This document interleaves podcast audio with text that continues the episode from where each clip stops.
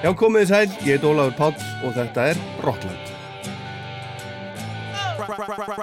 Right about now Þið auglýsið hitt og annað, hérna hitt og annað sem svo aldrei kemur. Það var bara ekki auglýst, það var auglýst hvennasöng.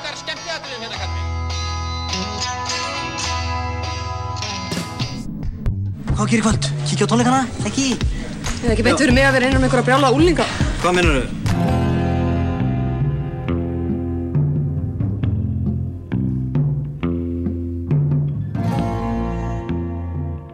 Hörður Torfason, söngvaskáld og leikari fagnaði 75 ára ammali sinu núna síðasta förstudag og í ár eru liðin 50 ár frá því hann gerði fyrstu blötunum sína og í ár eru líka 45 ár frá því hann sagði þjóðinu frá því í viðtali fyrstur Íslandinga að hann var í hommi. Hann var fyrsti ofinberi íslenski hommin. Það hafði mikil áhrif á lífharðar og, og margra annara í kjölfarið. En þetta er mikið ammalis ár hjá herði og mér fannst þetta allt saman kjörin ástæði til að fá hann í heimsókn í Rockland og hann er kominn og það sem við ætlum að gera er að hlusta saman á fyrstu plötun hans, þessa 50 ára gamlu plötu, Hörður Torfarsson syngur eigin lög sem hefur að geima lög eins og Þú ert sjálfur Guðjón, Lát huggast barn, Ég leitaði blára blóma og Hviðið eftir vinminn til dæmis. Þetta er plata sem margir halda upp á. Velkomin Hörður og, og til hamingjum ammalið á fyrstu tæn. Takk Og, það. og, og, og uh, já, hvernig, hvernig líðu þessu og hvað gerður þú skemmtilegt á amalistægin? Sko, mér líði vel, Já, það gott, já, nýt þess að, að gera svona, já þetta er bara svona típiskur ég, þú veist, ef maður lendir í einhverju ást, einhverju ástandi þá gerir maður bara það best á því. Það hefur alltaf verið. Og uh, við erum í COVID-tíma já, og við félagarnir fengum okkur hund til að ala upp því að við duttuði niður all ferðalögin hjá okkur við vorum báðir mi- mikið í fer, fyrirlestarferðum og, og, og ferðalögum. Og allt í hennu kom mikil tími já, og þá fengið við okkur hund. sáum, já, við sáum fram að eitt ár. Og okkur búið að dreyma að hafa hund í, í nokkur ár. Já, en aldrei verið tími til þess, það er ábyrð að hafa dýr. Það er ábyrð að hafa hund og hvernig hund fenguð okkur? Við fengum okkur íslenskan fjárhund. Er það virkilegt, já? Ég og eitt svo liðs líka. Já, Eða, eða, eða kona minna, hún, hún á hann og mig. Hann heitir, hann heitir Búi en, en ykkar hundur? Selig. Selig. Já. Af hverju? það er jittiska það er, eh, Selig, eh, Massimo valdi þetta orð eh, þetta þýði gleði gjafi Já, já, já, já. á jittisku Já, og hann hefur verið eitthvað að st- stúdera jittisku já. Ég hafði miklar áhyggjur áður en að við fengum okkur, okkar hunda, hann er því sko fyrst alveg geltandi út í eitt, maður Já. heyri það um íslensku hundana, Já, þeir, þeir, þeir gelti svo mikið. þjóðsaga. Já, er það ekki, Jú, er það ekki? hann, hann talar þegar hann þarf eitthvað. Já, eh, hann getur æst sig ef að- ef kom einhverjur ókunnur fuglar á, á, á salitnar já, já, gaman elda fugla. já, já, en, Já, já. en aður, hann var uh, fyrstu vikurnar var hann geltandi. Korpur sem vissi ekki neitt. Já, en eh, það er alveg horfið já, já. En þið búið upp á, upp á þriðju hæðið, ekki? já, já, Og er, er ekkit, er ekkit vesen að fara með hann út í garð eða nei, nei, nei út og að svona gera það sem það þarf að gera og svona? Nei, nei, hann hoppar upp í á okkur, hann veit að hann má ekki lappa stigan, hann er á ungur í það. Já, er það? Svo við setjumst og setjum á hann beisli og hann hopp- hoppar upp í fangi á okkur og svo tröllum við niður. Í alvöru? Já. Hvað er, er hann gammal? Hann er fjara mánu. Já, já, já, já, kvolpur bara ennþá. Já, já. Já, já, til hamingjum, hamingjum með, Já, með, með þetta. En hérna, Mm. en hérna, við ætlum að, við ætlum að fara svona út og söður og, og mér langar að fara Mm. aftur, aftur, aftur í tíman, hérna, ég byrja bara þar, fara langt aftur í tíman. Hérna, hvernig vildi það til að byrja að spila á gítar? Ég, það er góð spurning alltaf, hafi ekki verið vegna þess að foreldrar mínir, pappi minn spila á mandolín, mamma spila á gítarinn, pappi Já, líka já. eitthvað aðlítjals og, og, og í, í þessa daga sko það var náttúrulega allt öðru sér samfélag heldur en er í dag. Það var ein útvarstöð og það var lítið hlusta á annað en útvarp annars slægið og þannig þætti og svo fræðis. Og svo var það bara ofta á kvöldi að var setið og spilað og sungið og Er það? já, já, það var oft. Bara fjölskylda saman og syng, Já, syng, já. syngja og Pappi spila? var í kvartettum og svona með vinnufjölugum síðan. Já, já. Þetta var, þetta var meira svona, e, þetta var svona heimilisleira ástand held ég, svona í þá daga. Og gítarinn var talið heimilinu og það er náttúrulega þurft að pröfa þetta Já, og svo Eh, ég held að ég komið til að sko því ég er sjö ára, sex, sjö ára gammal þá fór ég í þjóðlíkúsið og sá síningu sem hétt eh, ferðin til tunglsins. Já, Jules Verne. og það varð eh, sko bara eh, hugafarsbreyting og vitundavakning hjá mér því að eftir það þá eh, ég bara ég hef lifað í leikúsi Já, já, og tónlistin náttúrulega stór þáttur af því.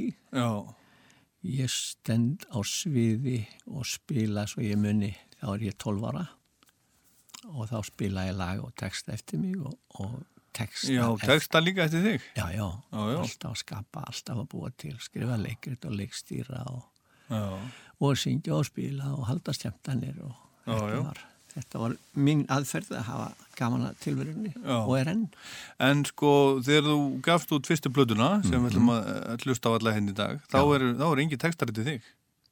Nei, mér var, sko, ég orti og fór og leitaði mér eld, til eldra fólks og Já. bara undir textana mína og átti hérna svona kompu sem ég skrifaði hugmyndir og allt þetta og fólk, sko, hristi bara hausin og sagði þetta eitt sagði, man, eitt, maður sem var mjög gammal að mínu mati. Já, alveg færtur örglega eitthvað. örglega, 35 og meira. Hann sagði sko, nei hann var nú eldri. Hann sagði við mig hörður, sko, þú verður kannski skáld þegar þú verður komin á minn aldur. Og hann var 70-80 ára gammal Já, og við þessi orð þá þá var svona þá hætti ég einlega að skrifa. Ég tók á mikið að marka annað fólk og hætti mörg ára og að, að lokum eiðilagi þessa kompu og það er Eða. því miður. En, en um, undir með alltaf starfandi já, og svo las ég mikið að ljóðum. Það var, það var alltaf verið í því.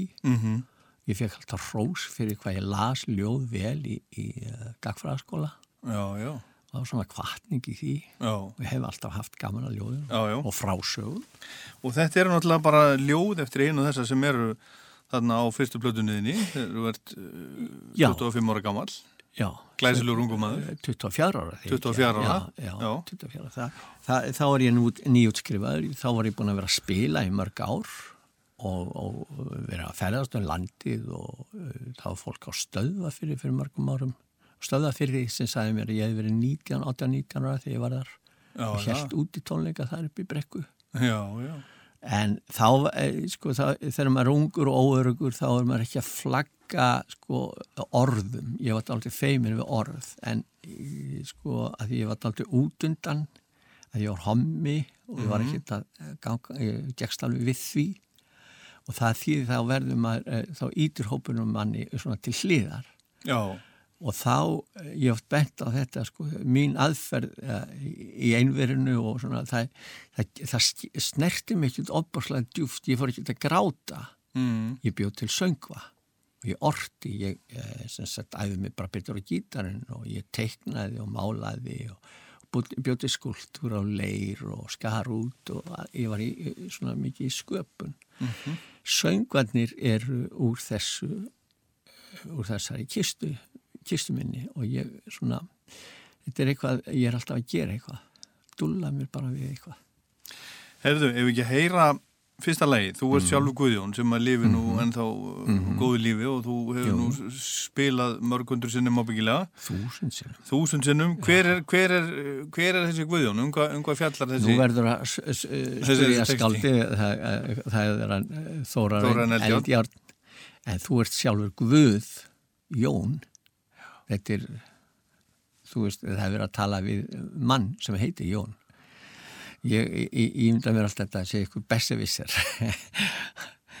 Ég heilt alls konar eh, sem sagt, útfærslur á þessu og vanga veldur og það er bara gaman. En e, svona stildi ég það og, og það er minn stilningur á, á hérna, textanum. Þannig flytt ég það. Lifir enn í okkar vonum Engin getur flúið skugga hans. Þér er sæmst að halla þér að honum.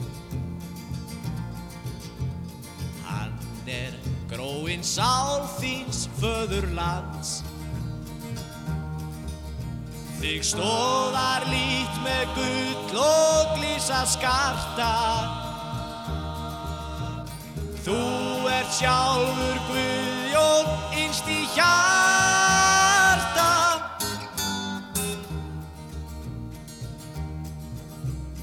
Ungan lérstu sverta þig og svíkja.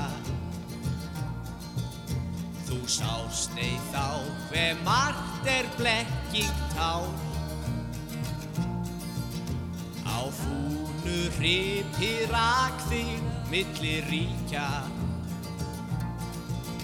Hver rakki fjekk að snurri þinni sál. Drjúftu höfði því að það er meinið. Sjálfur Guðjón inn við beinið.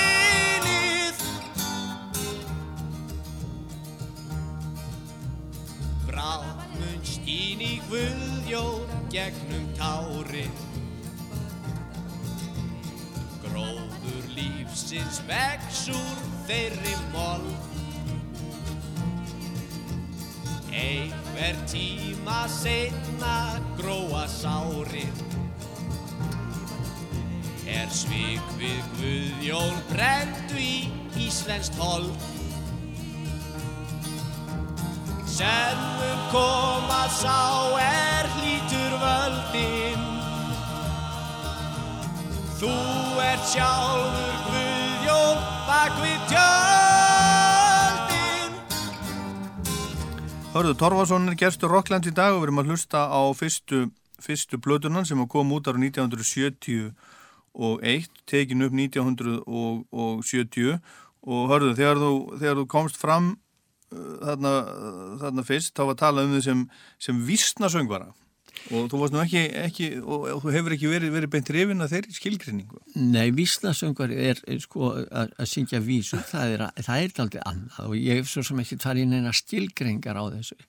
En þetta var, var uh, þjóðlega söngvari, vísnasöngvari, það voru bara ekki til önnur orð. um Nei, þetta er náttúrulega bara folk singers. Já, þetta er bara bein þýðing kannski úr ennskunni og, og, og, og hérna e, við vorum með til dæmis í uh, hann Ómar Valdimarsson.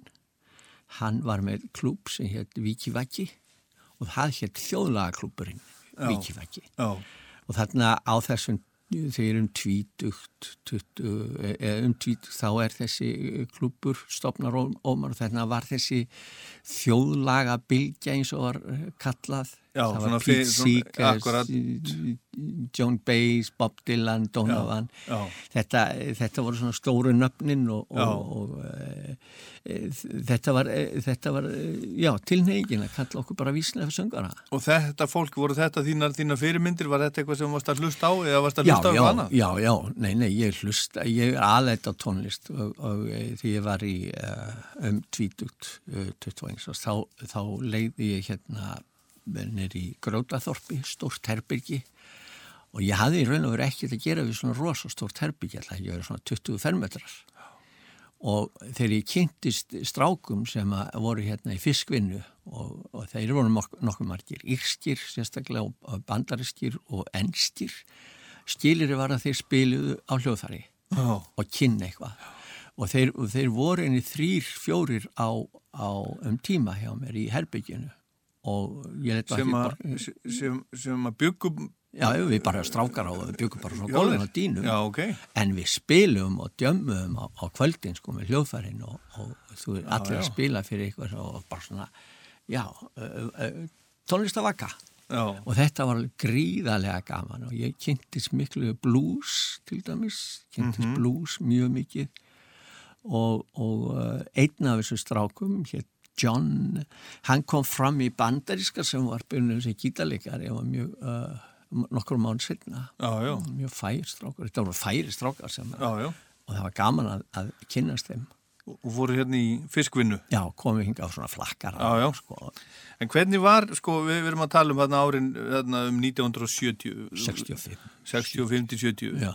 hvernig var, sko, þú veist, var, var einhver músiksena hérna? Menna, þú Hér? Veist, þú veist, var þetta spil einhver staðar og... Eh, Nei, það var, það var erfitt og, og, og ég er aldrei sérvitur það, í mér var bóðið að, að spila á Hotel Borg og gerði það nokkur sinnum, sitja út í hotni og spila en eh, sko að spila fyrir drukki fólk, það er bara ekki ég. Ef, Það ég, hendar þér illa. ég það bara á ég alls ekkert við mig. Ég er ekki að leggja á mig alla þessa vinnu til þess að búa til háfa fyrir einhverja sem er að kvísla leindamálum. Þannig að ég setti strax stól, uh, fætunar í, á móti þessu og fór bara eigin leiðir og, og uh, spilaði oft fyrir fólk hér og þar. Bæði þegar ég voru að ferðalögum út á landi og eins og ekki hérna en, en það var bara meira svona þú veist, ég smálaði kannski sama tíu manns og ég eitt herbyggj og svo spilaði það var ekki, ég var ekki að selja inn eða neitt slíkt Nei. þetta. og svo var það í kringu þjólaðaklubbin það myndaðist gríðaleg stemning á milli og ungsfólks í Reykjavík og við vorum að hittast hér og þar um bæinn og spila saman og kynna skvart öðru Já, og, þú, þú, þú og hver? Jú, það voru, já, Mutti Magnússon, Sverri, þetta voru svo margir, þetta voru Fyðrildi, þetta, þetta voru margir svona ríatríðið, ég man ekki hvað allir þessi hópar, eh, hópar hétu, kölluðu sig og þetta, þetta fólk flæk, flakkaði svona milligrúpa og grúpa og, og, og uh, maður satt svona með Benna bróðu mínum, við spiluðum mjög mikið og vorum oft eins og Everly Brothers sko, já. mikið af uh, fyrirmyndum og, og, og já, þenni var það bara og mikið, mikla raddæfingar og, og læra á gítarinn, læra á hljóðfærinn og stíla á stefnur og allt þetta. Þetta var gríðalega gaman, spjallaði um þetta. En hérna, um, talandum læra á gítarinn, sko, þú er alltaf, eða svona þitt hljófari hefur alltaf verið, verið eh, spænski gítarinn, nælonstrengi. klassisk, eh, Eh, gítarinn. ekki byrjun. Nei, ekki blá byrjun en, en ég heitlaðis meira af, af hljónum, hljónum í, í, þeim, hljó, í því hljófæri já, og uh, já, það átti einhvern veginn betur við mig. Já, já, það er öðruvís að spila á hann. já og það er líka, það voru allir með stálstrengina Já, og ég fann einhverja mýkt ég er svona, í, svona meira í þessari, ég er ekki að búa til stuðlög. Það er eiginlega ekki mein, ég er svona meira það sem ég vek aðtikli strax fyrir er túlkun. Mhm. Og, og það, menn voru ekki menn voru bara kýla í gegn söng og það bara stuð og Já. gaman það var ákala þú, þú, ert, þú ert ekki í því. nei, ég fyrir aðra leið Þú Ég ert er ekki, ég það er viðkvæmur. torfa á hér í stuð. Nei, mér leiði ólega illa þegar ég kom inn í stuðparti og ég var beðum að spila Já, og ég settist á gólfið og byrja að spila og það settist allir og fór að hlusta. Það fannst mér óþægilegt. óþægilegt. Já, ég meina menn voru að koma saman í parti til að djamma. Já. Það kem ég og byrjum að tala, ég að spila leikðæflar og blóma eitthvað svona, væmni og... Já, já, að hlusta, en það er það sem þú vil. Já, það vildi ég, en, Já. já. Já, já, og það, ég hafði mjög gaman að því, sko, en, en það fylgdi stundum ef ég kom í partí að það var mikið fjör, en svo Já, bara já. allt í lippaðistarparti. Jú, jú, jú, jú. Herðu, það kom að næsta lægi að blöðinni, lægi nummer tvö. Aftan þeir, það er eh, lag eftir þig eins og, eins og öll lögin, lögin á blöðinni. Og Rúnar Hafdal Halldórsson Já, og textan. Hver, hver er hann? Hann var og hétt, hann, hann lést í bílslýsi rétt eftir að platan kom, kom út Já, já. og e, mjög velgefin og, og skemmtilegur strákur. Ég hitt hann einu sinni eða tvísvar og ætlaðum að ræða betur skálskap. Málið er uh, 1969 held ég að verið eh, á þessi tíma þá kom út uh, í metaskólanum í Reykjavík uh, ljóðabók og, og ég er ljóða eða kom út bara bók með ungu skáldunum í MR og hann er af þeim. Hann er uh, uh, og Davíð Oddsson minnum er líka og, og, og uh, Þórarinn þessi strákar þetta og ég hreifst ofbúslega að þessari bók. Og ég samti við eh, sagt löfi mörg ljóð sem þarna var að finna. Og uh, já, það, það eru þarna nokkur þrýr, fjóri söngvar á plötunni úr þessari bók. Eða sagt ljóð. Mm og Rúnar Hafdal var einn af þeim. Og því miður hann, hann var eh, það var kerðunni hjá umframist um sumarið held ég 71 það var saknuður á honum.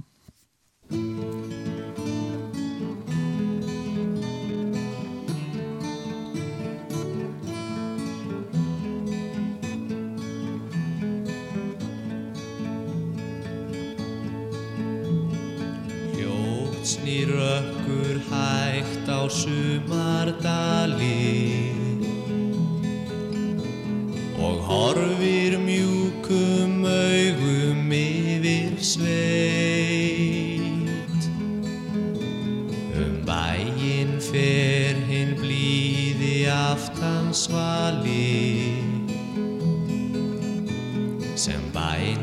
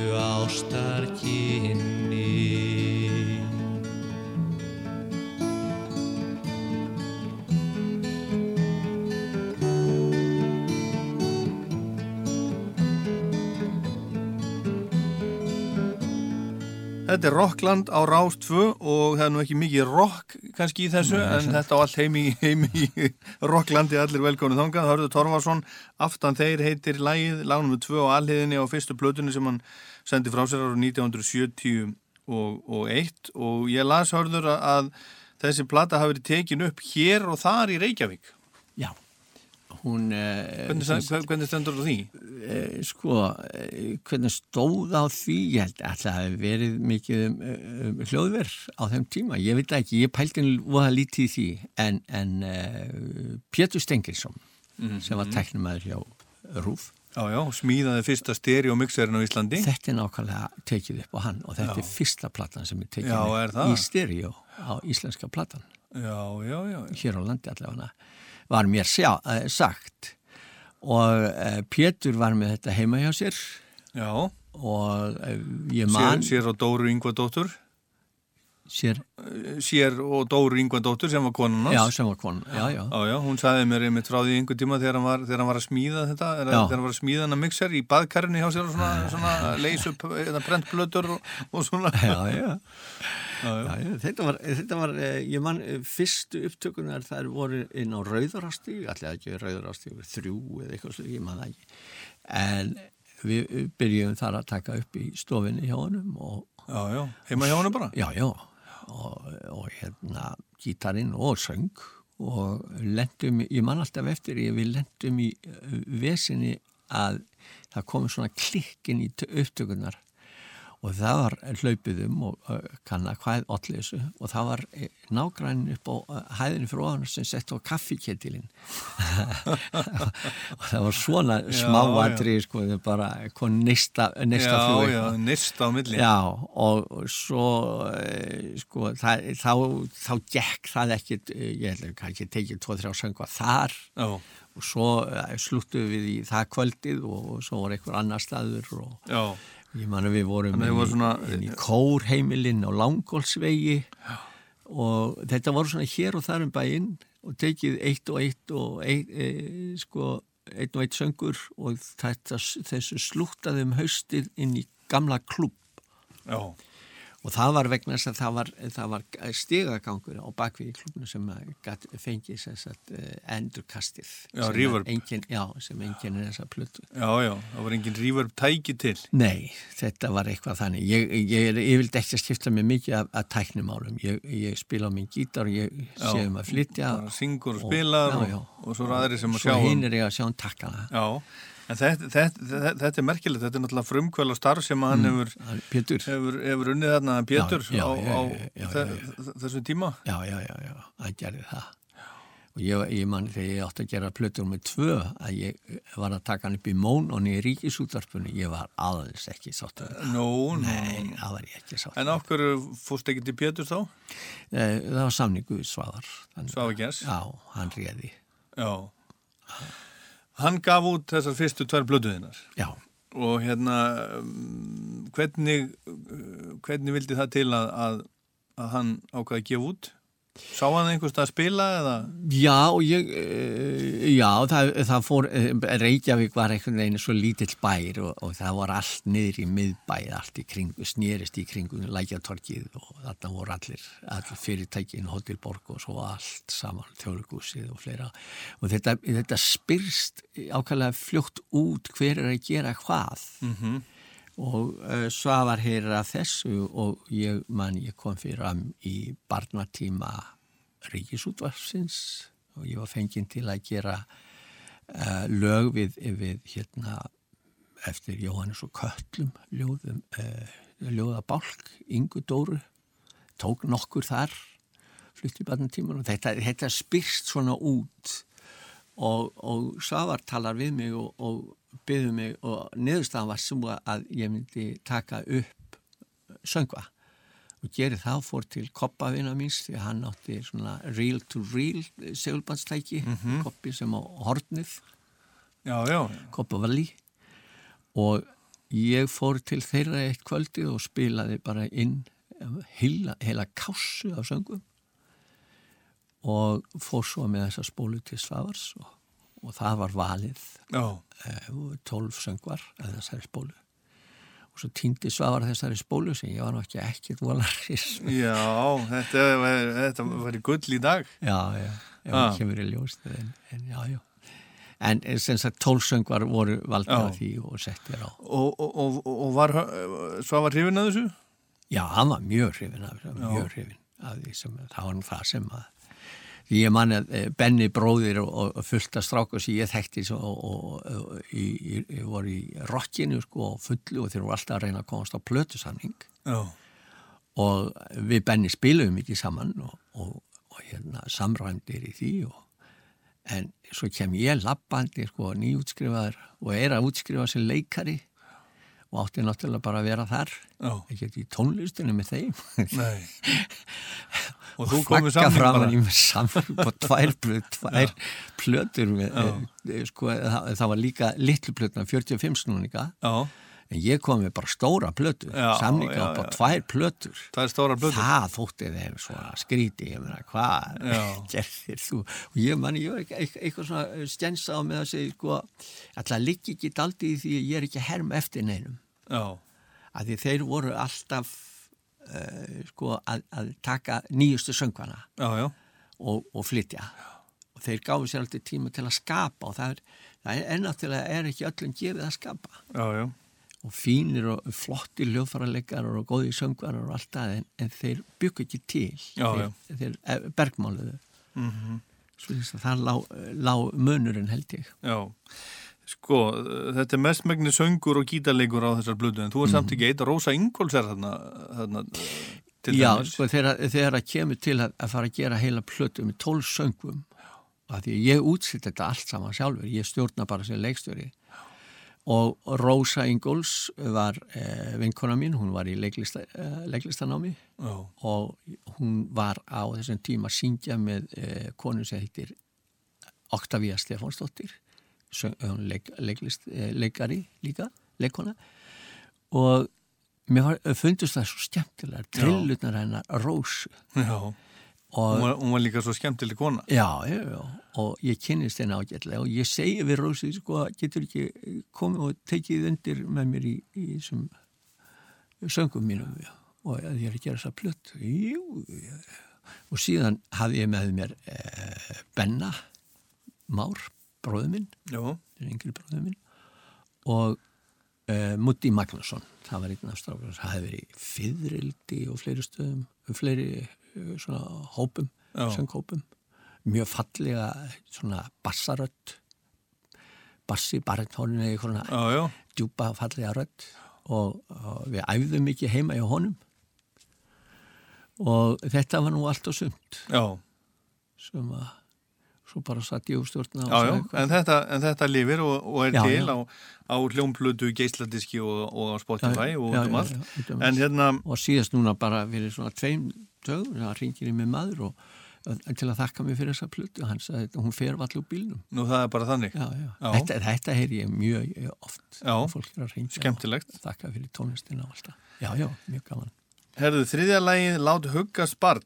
Þetta er eftir, Mhm. eftir uh, Stein Steinar. já. Þekktur hann? Þekktur Stein? Nei, ég sá hann nýri á hressingaskála nei, ég þekkt hann ekki neitt sko Nei. talaði aldrei við hann er aldrei við hann. ekki svo ég muni, nei, Nei. ég var bara barn og, og, og hérna, mamma mín vann á hressingaskálanum og þeir sátu þarna á sömurinn úti í gardinum sem, er búið að og þar, þar satt, það var svona skaldahotn sko, það var svona vís manna vitra manna horn en þeir sátu þarna oft og ég man eftir honum sko en nei, en ég eh, á ammælistjöf, nei jólagjöf frá því að ég er 17 ára það er e, safn, e, ljóðana e, ljóðasafnið þess Já, já. frá pappa og mammu, ég fekk það í jólagjöf sko. Já, já.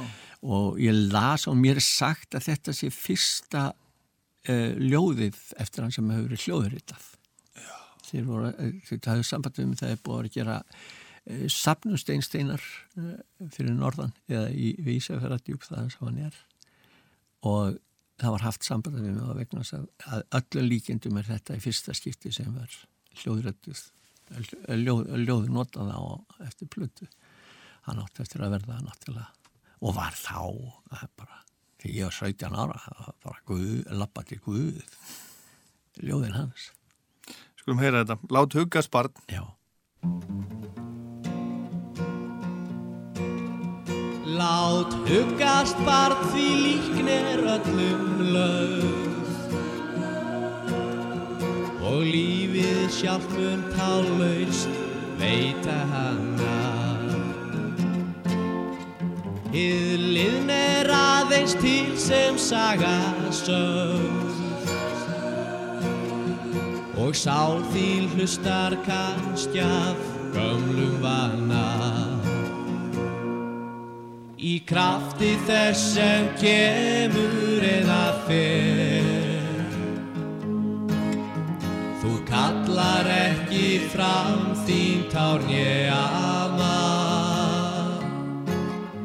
Það snart þig ei og engin mark þess ég Því einstu vitun þinni stóð á sama.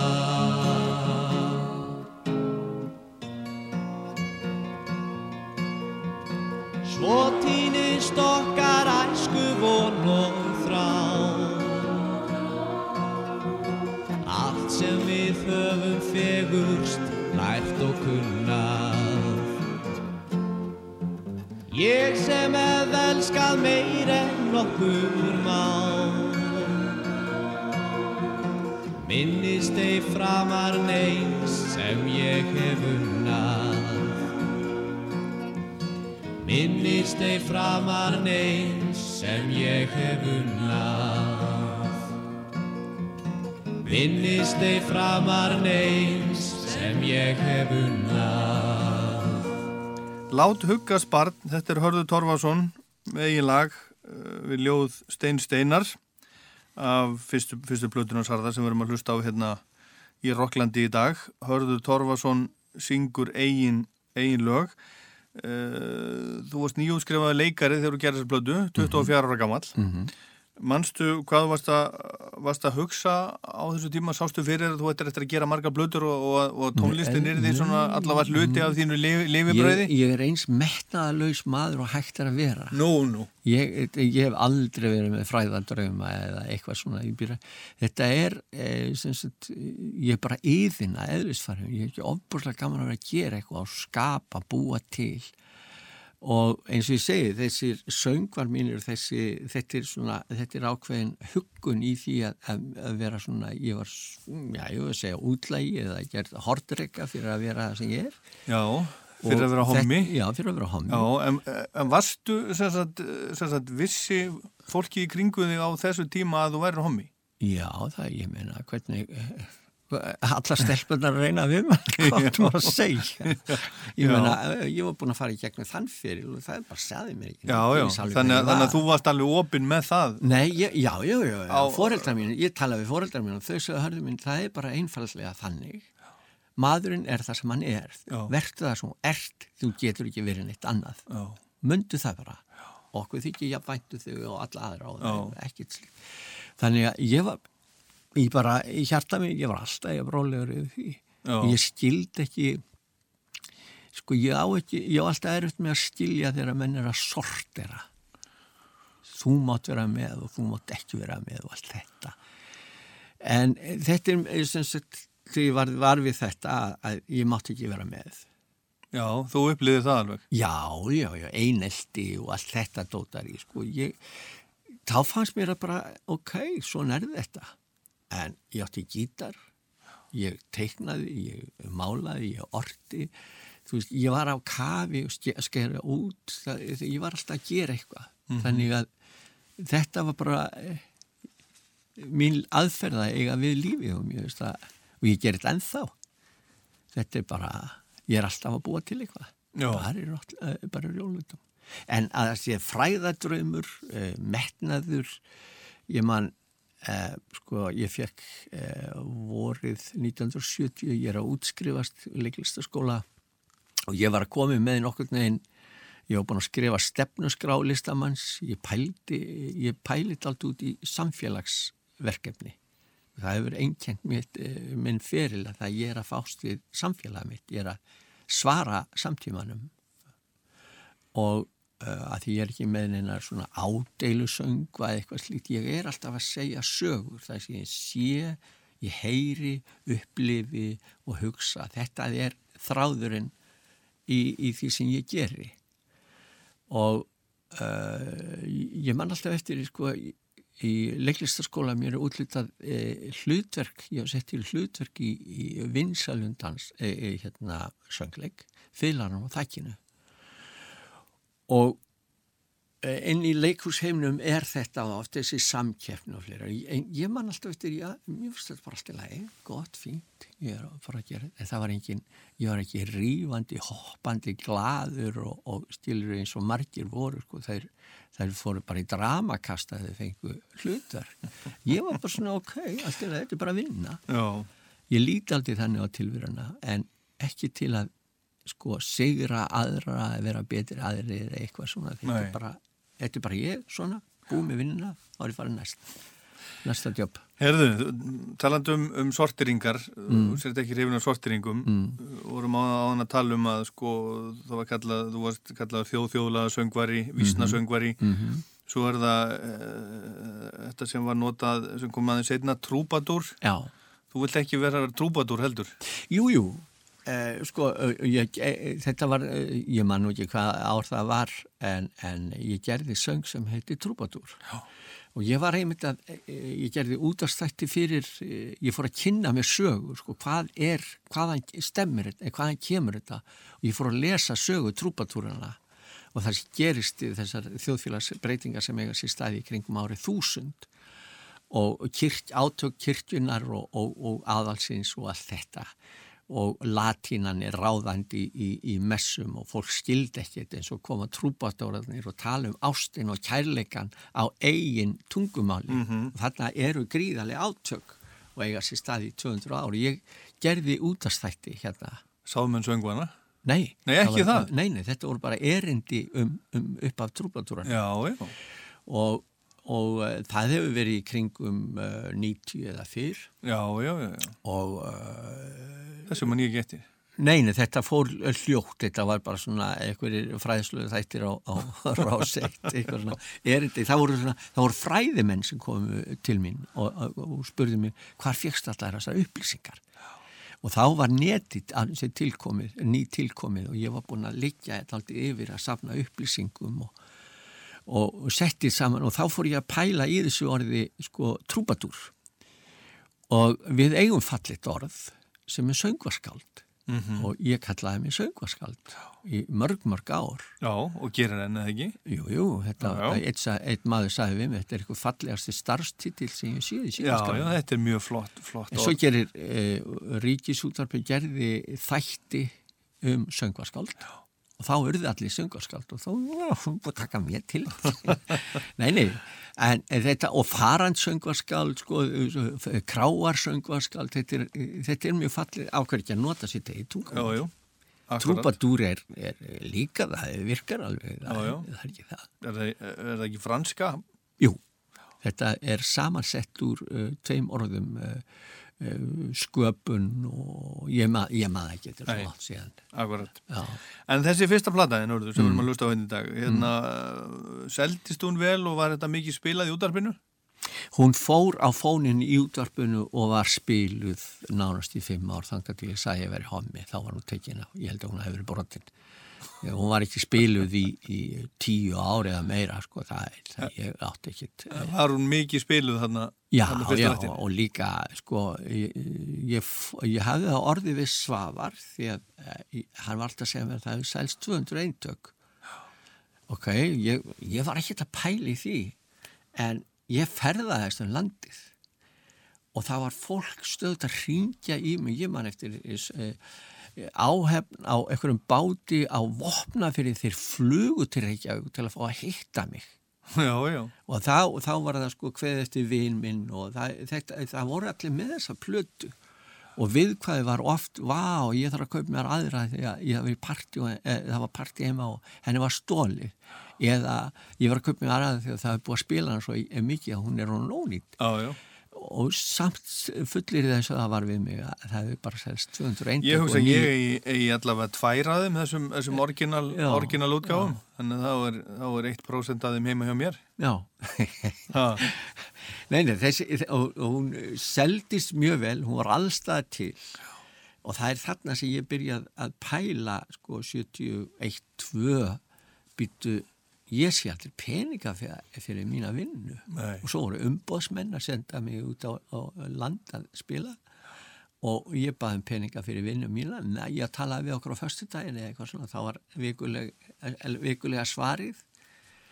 Og sko og svo var ég í þjóðleikúsinu þar áttum maður að sitja inn í hotnúsi hortni græna herbyggja og býða þetta kannski fengjum maður hlutverk. Og ég hugsaði býtu ég þarf ekki að fá lánað texta frá einhverjum leikrita höfund út í heimi og nafn. Ég á mitt eigin nafn ég er að skrifa sjálfur og semja og fólk nennir að hlusta á þetta. Ég verð bara í fyrir og verð bara sjálfstæður. Gef þetta út sjálfur.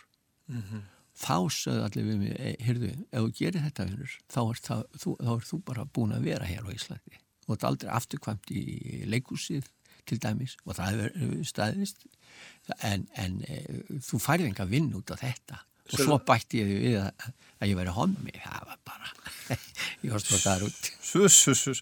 En En- aðeins við, við, við, við, förum í hérna homman, homman aðeins og eftir. Já, já. En hérna sko, en, en sem sagt, eh, þú varst þarna, eh, þú varst bara hjá þjólikúsinu, þarna þegar þú... Þegar Ég lærði hjá Já. þjólkúsinu og var svona viðlóðandi fyrstu tvö árin Og, og, og þýtti þetta það að þú varst aldrei beðin um að koma í stóru leikúsin aftur? borgarleikusið og tölugúsið eftir 75 Já. já, já, það hefur alveg staðið Já, já, en, en, en hann eftir, já, já, það er náttúrulega, þú, þú uh, já, Svavar gefur út fyrst, fyrstu tværblöðunar, Tvær 71 og 72 já, og svo kemur þriðaplatan 70 og 76. já, og ég tek hann út 76. 75 sko. Já, já, og hún er mitt svar við, við áreitninni sko, hún að dæradvöl það ég er að lýsa mínu dagstælega lífi og einn Já, já. blötu draumarnir mínur og svona er ég ég er bara venilegu maður já, eh, já, já, það er eh, annar ferill, sko, það er breytingin Já. en þetta byrjar strax 73 þessi eh, og, og byrja náttúrulega fyrr í leiklistaskóla þegar maður er að gera sig grein fyrir eh, I'm svara having trouble spurning- with the connection. Please try again in a moment. Hver, hver, var, hver, hver var þetta? Guð? Þetta er Siri Já, já, já. já, já, þetta var gott já, já, Nei, hvar var ég komið? Ég var að segja að, að sko, já, þetta að, já, þegar ég byrjar í leikhúsinu, að svara spurningunni hvað er listamaður? Til hvers erum við listamenn og hvað, hvað ætlust við til að gera? Ætlum við að vera, og ég man ég flokka það sem nýri tvo hópa, þú getur vera hugsunamaðurinn og vinna samfélagsmálum eða þú kannst fara hinn að leiðina og fara að búa, eh, safna þér einn peningum og verða ríkur og frægur. Það heitlaði mig aldrei, það hefur aldrei heitlað mig. Eins og að samfélagi mitt og rýna og, og skoða og, og þú veist að takast á í þessum bel- boltaleik. það, það er ég og, og það þess vegna sko ákveði bara að segja veist, bara skili við þann heim sem að gengur út á að vera peninga og, og frægur og allt þetta. Það heitlaði mig bara aldrei. Svo ég ákveði bara, ég fer mín eigin leið. Herðu, næsta lag, hörður, það er, er dagurinn kemur og dagurinn fer. Mm Hvað getur þú sagt mér um það? Það er textin er náttúrulega þess að ég ætla ekki að fara út í, hann er bara indislegur um ástina en e, þetta e, sem ég á, á vori, að vo- vori 70, þetta er áhrif frá fylgarum að þækinu þetta er þessi rúsnesku áhrif Já, þetta já, úr já. söngnum þegar þeir eru að syngja og dansa flöskudansin ég ekki hvort því. en, en einhvern veginn sko þessi, þessi stígandi og skilja allt í hennu þarna er ég líka að læra um það hvernig þú getur byggt upp söng upp í stígandan bæði tempói og, og áhrifum og, og svona. Þetta er, þetta er tilraun til þess og uh, áhrif af félagunum og þakkinu og uh, að reyna, að syngja ég mann uh, ég barist aldrei við svafarinn hann reyndi að fá mig til að syngja ekki svona da, Já, já. að renna svona inn. Sagður alltaf að segja um mig getur ekki sungið þetta öðruvísi? Og ég sagði nei ég get ekki sungið það öðruvísi af því að mér langar ekki til að syngja það öðruvísi svona vil ég syngja það. Já. það á að vera svona þessi stíg þannig að ég veit ekki, ég hafði bara húma fyrir það var eina, bara mín tilfinning. Já. og þetta þetta, e, sko, þetta er, mjög einfaldur e, sem sagt e, já, mér finnst melodían einföld og svo skemmtilegu stígandi og, og svo öskrallir hæ eða hei í lokin það var gaman að flytja þetta fyrir hópin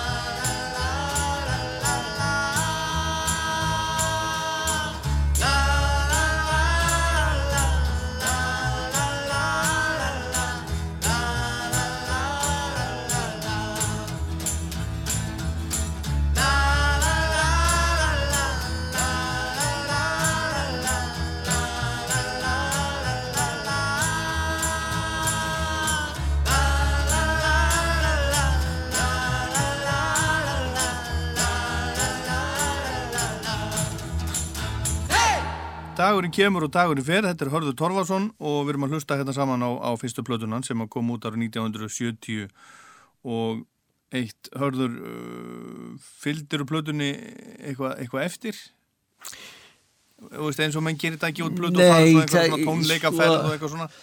Þér að segja þá, e, sko, þegar ég búið með plötuna, og ég beigði eftir að e, e, ég væri búið með plötuna, ég var svona ít á því að reyna að klára hana, þá fór ég til Danmörkur uh, í desemberbyrjun 1970 og ég, ég var svona, það var óþól í mér, ég, ég vildi, ég var allar að kafi í leikúsinu og mér lákaði að ég hafði séð uh, hérna Eyvind Erlendsson setja upp hérna leiks, leiksýningar með allt öðru vísi að nálgun, það var pólitíst, það var, var, var líkansbeitingi var önnur og, og uh, ég heitlaðist að sko, þjólkusi er svona það sem að sé stopnarnaleikus það er bara einu vekk einn vekkur opinn. Og, og uh, mér langaði til að fara til Danmörkur og uh, ég átti þar vinni og, og ættingja og, lág beinast við að fara þangað og kynna mér pólitísk leikus og ég er farin í desember. Hörður Torfa heldur áfram att säga frá eftir smástund. Hej, det här är Peter Svensson från Korgen och du lyssnar på Raust 2 på Rockland.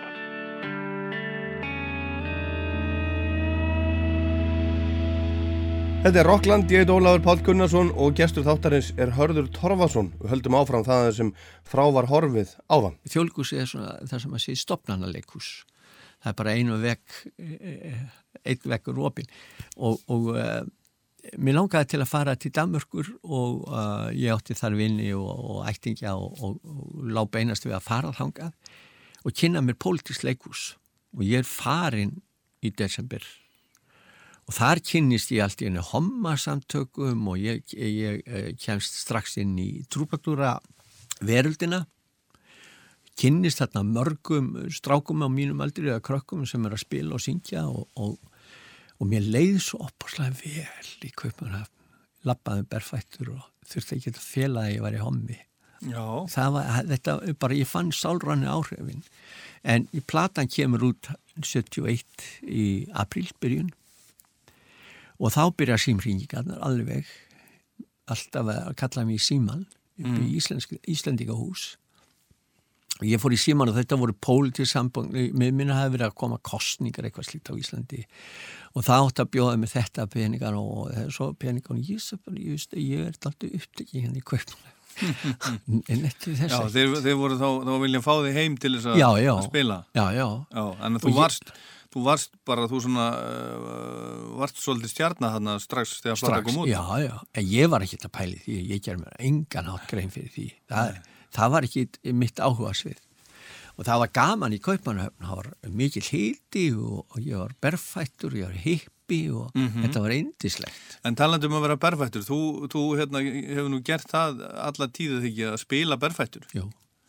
Af hverju er það, og, og, og er það bara, Mér bara líður svo síðan vel þá? með það. Já. Mér líður ofbáslega vel með það. Mér líður best í 26 þegar hita í, í uh, berfættur og í stuttarum ból og stuttarum uh, stuttar buksum. Þannig líður mér best. Já. Og með hatt á hausnum svo ég fá ekki sjálfsting. Já, en það er svolítið erfitt að, að vera Já, já. og, og maður býður ekki, maður býður ekki eftir tíu alltaf daga hérna á Íslandi. Nei, en, en hérna en, en e, þér hefur ekki dótt í hug í setjum tíð að flytja eitthvað annað? Þú Jú, jú, það er ítalskan mann? Já, já, en hann er að vinna hér. Og ég flutti raun og veru, eða við fluttum til Íslands uh, 2004 við byggum þá í London það var til að uh, annars pappa minn sem var fjörgamall maður og veikur þeir sem er komið heim Já, þá við urðum að taka mikla og afdrifar ekki á, ákvörðun en við höfum verið að flakka um allan heim og þú veist, mér, ég ákveði bara ég fer mín eigin leið Herðu, við verðum að koma að einhverjum, einhverjum lögum hérna líka, hörður. Næsta lag heitir Grafskrift og, það er textin eftir að ljóða eftir Þorstein Gíslason. Hvað er, um, um hvað fjallar þetta lag? Grafskriftin, Eða þessi- þessi- eh, grafskriftin, já, eh, þetta er húmor í þessum texta, mikill og skemmtilegur húmor.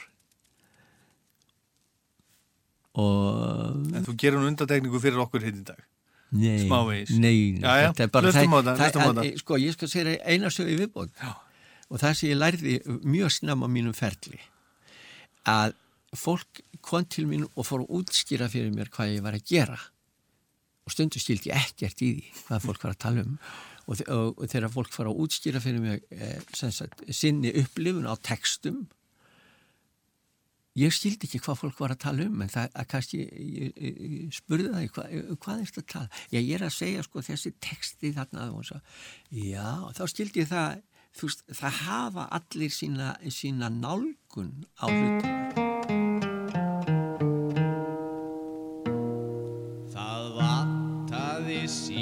síst að hann hugsaði hátt og hann hefði mátt koma að nótum.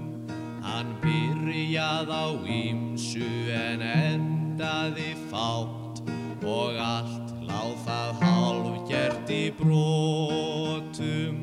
Frá barnæsku var hann með gleraugu grá En glerið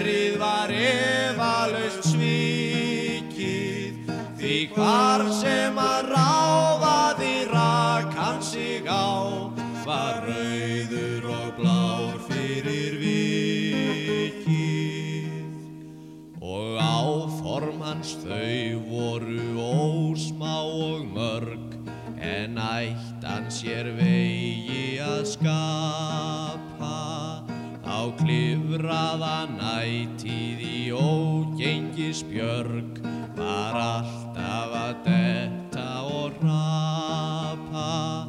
Og hvergi lífinu festu hann fjekk Þó flæktist hann víða um álfur. Hann rétti þeim hönd sem að haldrandi gekk En haldraði allra með sjálfur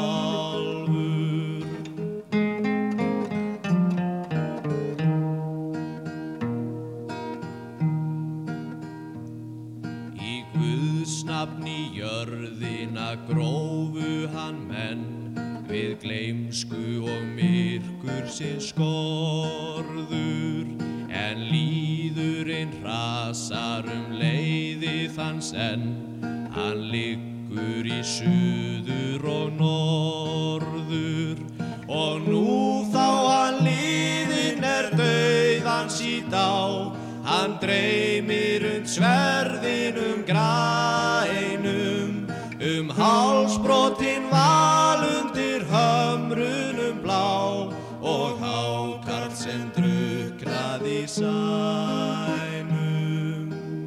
Grafskrift heiti lagið eftir Hörð Torfarsson og ljóðið eftir Þorstein, Þorstein Gíslason.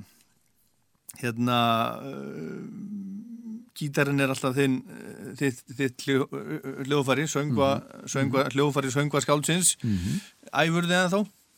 Spilaru mikið? Uh, nei, ég, uh, það, það bara gerist þegar maður er komin á elli launin og, og uh, það var nú að segjast eins og er eftir að ég var með útufunduna á Östuvelli, það, það hefni sín alltaf, það er eins og samfélagi sko, það svona snúið við mann baki. Já. það hrundi all aðsókn að, tónleiku hjá mér og, og uh, ég ákvað bara fínt. Það, ég, ég er ekki eh, sko lengur ungu strákur sem að fyrir í barátaham ég er búin að skila fínu að æfiverki og ef, að- ef að fólk þar hrundi sko tónleikarnir voru, ég var að selja 1100 miða upp í borgarleikusi og þeir hrundi nýri í Róma 200 að 2009 og 2010, 2011 og ég sem býtu ég, ég nenni ekki að vera að borga meira með mér. Ég var búin að borga með mér í áratugi eða fyrst í baróttinni og þá var, fór ég bara í versmiður og, og, og vann mér um peninga og ég held svo áfram og leikstjóra jobbið borg, borgaði sko Já, já. að ferðast um sem trúbadur En, en hérna, En þetta, sko, það, það kemur bara tími, maður hugsaður, ok, fínt. já, en Fólk er að ekki að hlusta þá bara að ég fari. tölum að þetta. Þú sést ekki vera lengur ungur uh, strákur í baráttuham, Mhm. en þú varst samt þarna uh, í rauninu, varst, varst að vera 65 ára Mm -hmm. uh, þegar, þú, þegar uh, Ísland hrundi Já, og, og, já, og Geir Hortir sagði Guðblessi Ísland og, og svo var það útifundirnir á, Ístuvelli og þú átti nú stóran þátt í, þátt í því. ég gerði það bara. Já, já, þú gerði það Já. og það verið skrifað um það bók sem að heitir Bilding. Já, já, og mikið eh, erindi um allan heim og, Já, já, en, en eh, sko, en, en tengjur það við það, þú veist, eh, að sko, að aðsókn og svona hjá þið mingaði? Ég, ég, ég bara, það er ekki bara ég, þetta er bara staðinn, að þetta er sama viðbröðinu og, og 1975, ég segist voru hommi, það, það var beinlína niður, það var alveg sama hvar ég leita og hvert ég kom. Og mörgum þegar ég byrja að ferðast í kringu landið, það er ástæði fyrir því.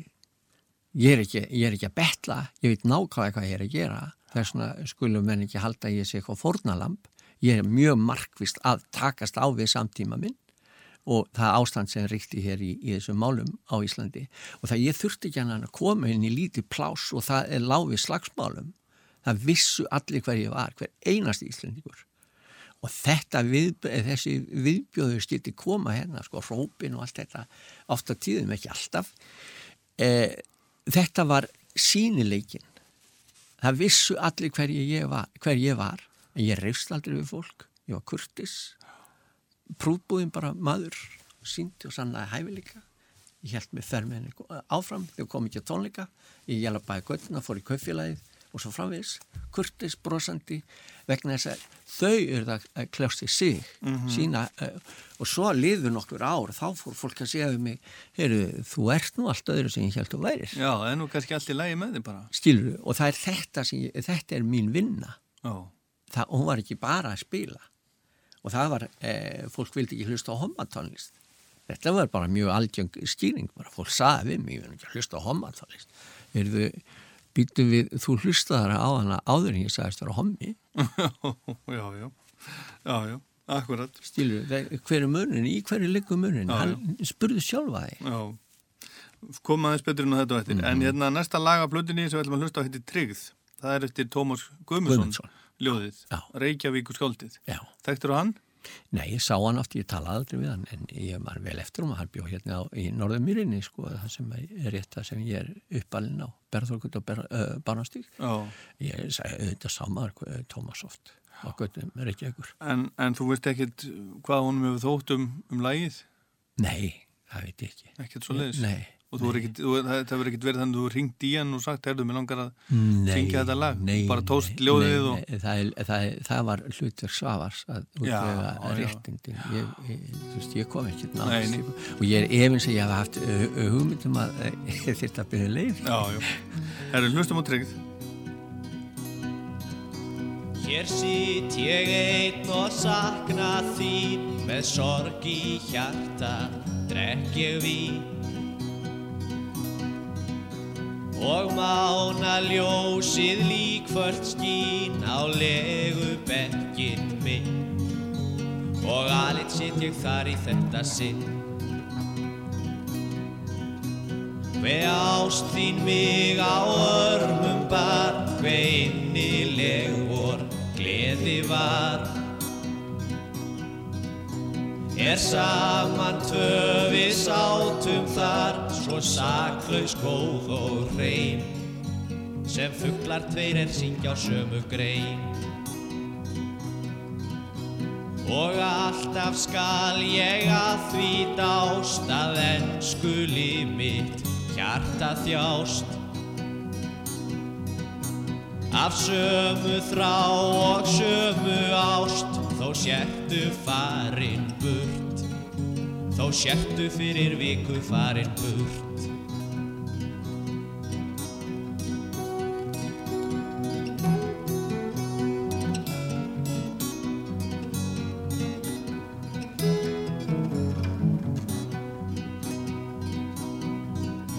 Hún þykir fágætt þessi digð, ég þekki engan slíka tryggð.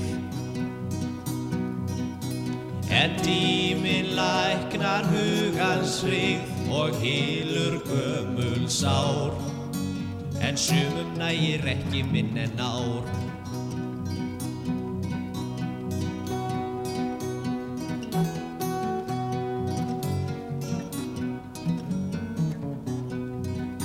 Hörður Dorfarsson, uh, við vorum áðan að tala um, um búsahaldabildinguna og, og, hérna, og útifundirna sem voru á, á Ístufelli sem að þú mm -hmm. skipulaðir. Mm -hmm. uh, finnst þér þú ekki að hafa fengið, fengið kredit fyrir, fyrir það? Sko, eh, hvernig skoða maður kredit? Ég, sko, ég, er, al- ég hef aldrei á æfinni verið að byggja um kredit eða, eða eitthvað fyrir það sem ég er að gera. Ég hef unnið þetta ókipis. Ég eh, er bara svona gerður. Þetta er mitt samfélag og ég vil taka þátt í að byggja það upp. Og ég vil taka þátt í að byggja upp samfélag þar sem hver manneskja fær að vera það sem hún er. Að ekki að einhver einn einræðisæra eða einhver fámenn klíka ákveði hvernig þitt lífi er að vera útlokið þig. Þetta er bara tónnin í því sem ég verið að gera sem listamæður og punktur. Að nei, ég hef aldrei verið að sækjast eftir neittni viðkenningu. Viðkenningin mín sem ég fæ, það er, að, eh, sko, það er, það er á hverjum einasta degi, en þann dag þetta, ég fyrir út að lappa og ég lappa mikið. Ég er alltaf að hitta blá ókunnigt fólk sem segir, heyrðu hörður, og það þekkir mig með nafni og það þarf að tala við mig og það er með alls konar spurningar og vangaveltur. Og mér er ekki óbáslega vænt um þetta. Bara síðast núna í morgun. Já. átjánara strákur með ljósmyndavél og hlaupandi til minn hörðu má ég taka mynda þér? Og ég segi, veist þú hver ég er? Já, á, ég er bara að lesa mikið um því ég sagði ég þakka þér fyrir já, hvað, Djörsvöld, taktu mynd. Já, viltu standa hérna, þetta var á skólaurstygnum þannig að þú ert á regnbóanum og kirkjan þetta fyrir ofa þig. Já.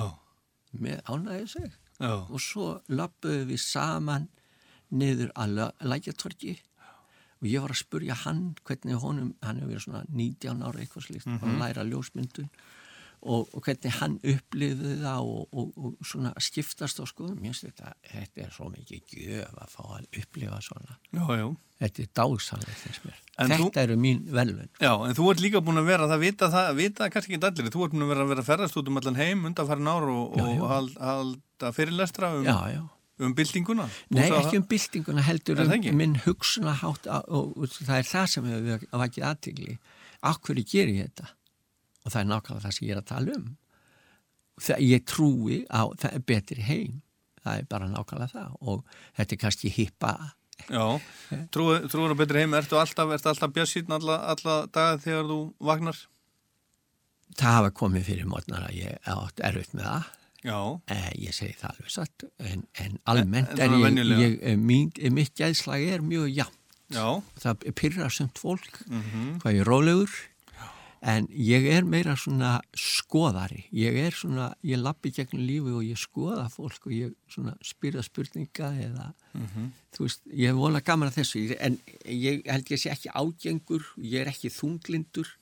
Ég lærði það þegar ég flúði Ísland en samt ég var ekki að flúa, ég var bara að flytja mig út af því að það var sótt svo að mér. Og mér var hótað lífláti hérna, þetta er 76 og það ég rændur aðlegunni og, og það, þann slettu, þá slettu fram, framan í mig að ég er ekki skil, neitt skili það sem ég sé kynvillingsdrösla og ég ætlaði að svifta mig lífi og ég hætti við það.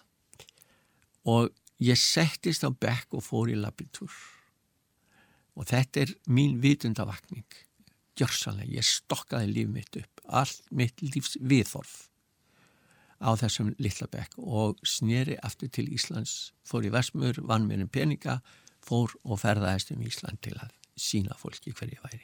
Eða lefa fólki að, að spekla sig í mér eða ég spekla mig í fjöldanum. Ég, ég veit ekki hvernig á, en það var sínileikin mm -hmm. þann er eitthvað að sterkast það sem hún getur gert eins og ég, e, í þeirri aðstöðu sem ég var í. Uh, mikil höfnun en ég tók hann aldrei inn á mig af því ég hef notað eitthvað að fallegasta afl sem menn geta átt það er sköpunin.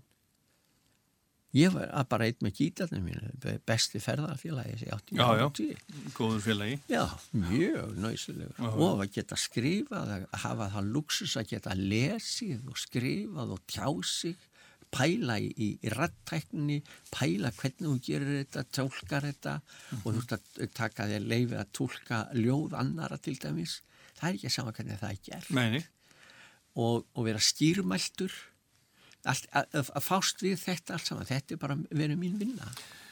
Hveðið eftir vinn minn, það er mm. að Haldur Lagsnes Sjálfur. Já, hittir þú hann einhvern tíman? Uh, nei, ég hitt hann ekki uh, beint ég var fengið til að spila fyrir hann uh, nokkra söngva þegar hann það var bara rétt undir lokin þá var hann alvarlega veikur ég var fengið til að það var svona heiðusamkoma mm -hmm.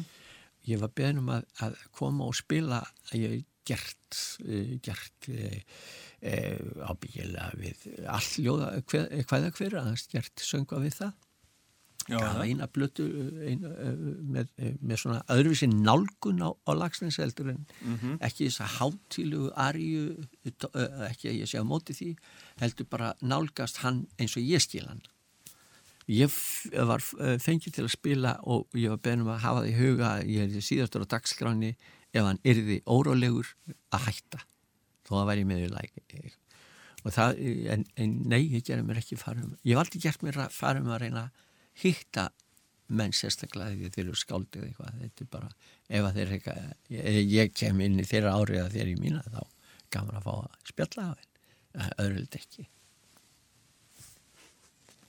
en þessi söngur uh, hverðu eftir vinn minn e, að hluta vegna sjómenn tók hann alveg í sitt fang. Þetta var mikil sjómanasöngur. Það heyrði ég það. Þú var stalin upp á trós í lífsins sólgu sjó Síðan varstu lengi á opnum bát í lífsins sólgu sjó Og þjóraðir brenni vini landlegu í lífsins sólgu sjó Með tímanum urðu við fyllir aftar í lífsins sólgu sjó Senna fórst á skútu í lífsins sólgu sjó Þú varst mest í helvítis klámkjaftur í lífsins sólgu sjó Og þú varst mest í anskotar slagsmála hundur í lífsins sólgu sjó Þér hefði verið nær að gifta þig í lífsins sólgu sjó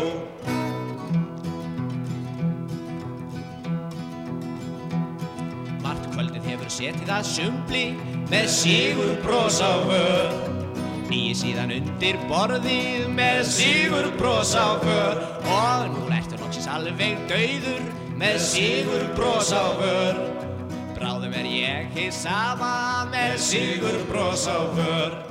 Þú spýttir þér oft í gardínur með sigur brós á för Spýttir á bakvið mublur með sigur brós á för Aldrei varst á þeirra bandi er máttu sín meir með sigur brós á för Það er ég ekki heldur með sigur brós á hör Þetta mannlíf er undarlegt villir í og ekki fær gert við því. Sumir eru kallaðir höfðingjar og ekki fær gert við því flestir er ekki annað en venjuleg svín og ekki fær gert við því. Svínin eru kongar í drafinu og ekki fær gert við því. Þá ertu loksins komið til helvítis ekki fær gert við því. Þar var alltaf lakar en annar staðar ekki fær gert við því. Það er sama hvar frómur flækist ekki fær gert við því. Ég snúsa mig það bara á meðan og ekki fær gert við því Þetta er Rockland á Rástöðu og gestur minn í dag er Hörður Torfarsson og við erum að hlusta á fyrstu blötuna sem hann gaf út, kom út fyrir næstu því hálfri öld, Hörður, hugsaðir, hálf öld. Hefur þetta ekki liðið bara svona? Þessa daga, Bara- jú, jú, jú. Eitt, fjóra, þrýr. Þetta er verið skemmtilegt líf. Já. Átaka mikið og, og, og litrikt. Akkurat. Og skemmtilegt. Þú ert allir á Spotify.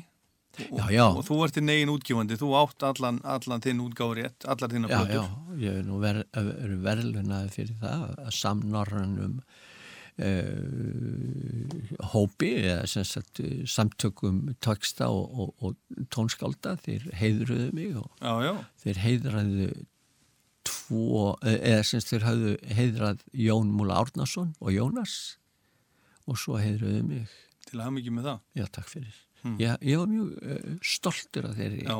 þeim heiðri þetta er svona atvinnumenn að, að taka út, mig út úr, úr hópnum og heiðra mig fyrir þetta Já. ég, mér fór þetta okkala vætt Mm -hmm. Herru, við skulum fara strax í, í næsta lag. Það er hérna líka eftir Rúnar Hafdal. Mm. Leitin. Já. Getur þú sagt okkur eitthvað um þetta? Nei.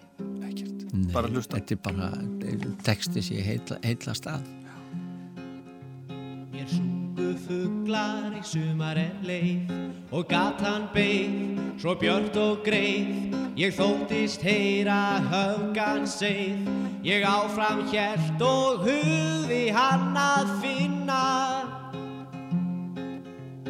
Laungu handan heima byggða minna. Á vegsins brún ég brosin sá Í blómsins þrá að byrtunni ná. Þau tegðu síg og tilt á tá. En ég vildi meira veröldinni kynnast. Því heima fannst mér harla fás að vinnast Ég var þeim metin meir en fyrst Í fólksins þýs og fánýta ís Þar virtist allt sem verðlaust glís Þá kallað mér fannst og meitlað í huga minn. Þú sérði hérna helga drauminn þinn. Ég hafði lagt í leitarför Með spurn á vör Í vonum svör En enginn fjekk ég áður snör. Því leita ég heim í lágadalinn minn. Og kissi blómin sem brostu mér eitt sinn. Ég legg þau blíkt við lokuð sár og þeirra tár við þeirra brár þá léttist mér að lífsins fár og að ég líktist liljunum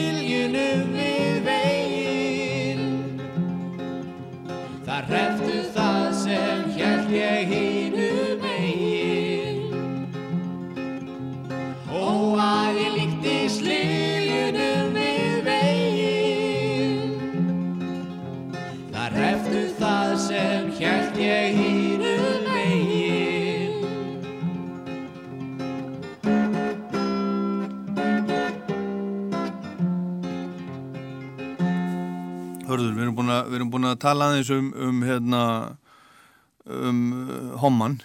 Mhm. Hérna, uh, þegar þú, sko, uh, þú segir að það hafa allir í kringu því vita það á svona tíma þegar bara þegar þú ert ungu maður, unglingur, Mm. að þú, þú varst hommi Mhm. og, og það hafði engin sérstök áhrif, sem sagt, uh, þar að segja, hvernig við orðað þetta, uh, það gerir svo þegar þú ferði þetta, þetta, þetta, þetta fræga tímarittu viðtal í, í Samuel 1975 Já. þá, þá segir að þú sért, sért hommi og þá, þá breytist allt Það var sprenging. þá var sprenging. En, en, en samt samfélagið í kringu því það, það vissiði alveg, alveg af þessu Allir mínir nánustu við. Já, og ég menna kunningjahópurinn og, já, já, já, en, en svona músikbransinn já, bladamenn er, já, þetta er eh, sko, það er svo mikil, það er þetta sem oft svona pyrra mig eða pyrraði, það gerir það ekki lengur í dag. Það er þessi þykjast það það er alltaf að, að reyna að halda uppi einhverju mannorði eða einhverju karlmennsku eða einhverju ímynd mm. og um, ég hef nú hort á menn sko slást og lendi vandrað með þetta þau þurfa að halda ímyndsin á lofti en vera ekki þeir sjálfur og ég sem betur fyrr tók bara á þessu strax að þetta, ég nenn ekki vera þykjast fyrir fólki Nei. þannig að ákveði á ég að vera því En, en þetta skiptið þig samt það miklu máli að þú vildir að vissu allir að þessu eða hvað? e, sko ég, e, að, ég vildi ekki allir vissu að þessu. Ég hafði bara einfallega ekkert að skammast mér fyrir. Nei. það var málið. Já, og það var málið að þegar menn voru að reyna að nýta í mig fyrir þetta þá leiti ég á það að það er bara þitt er vandamálið. Mitt vandamál er bara ákvæmlega ekki neitt í þessu máli. Ég skammast mér einfallega ekkert fyrir að vera það sem ég er. Nei, nei.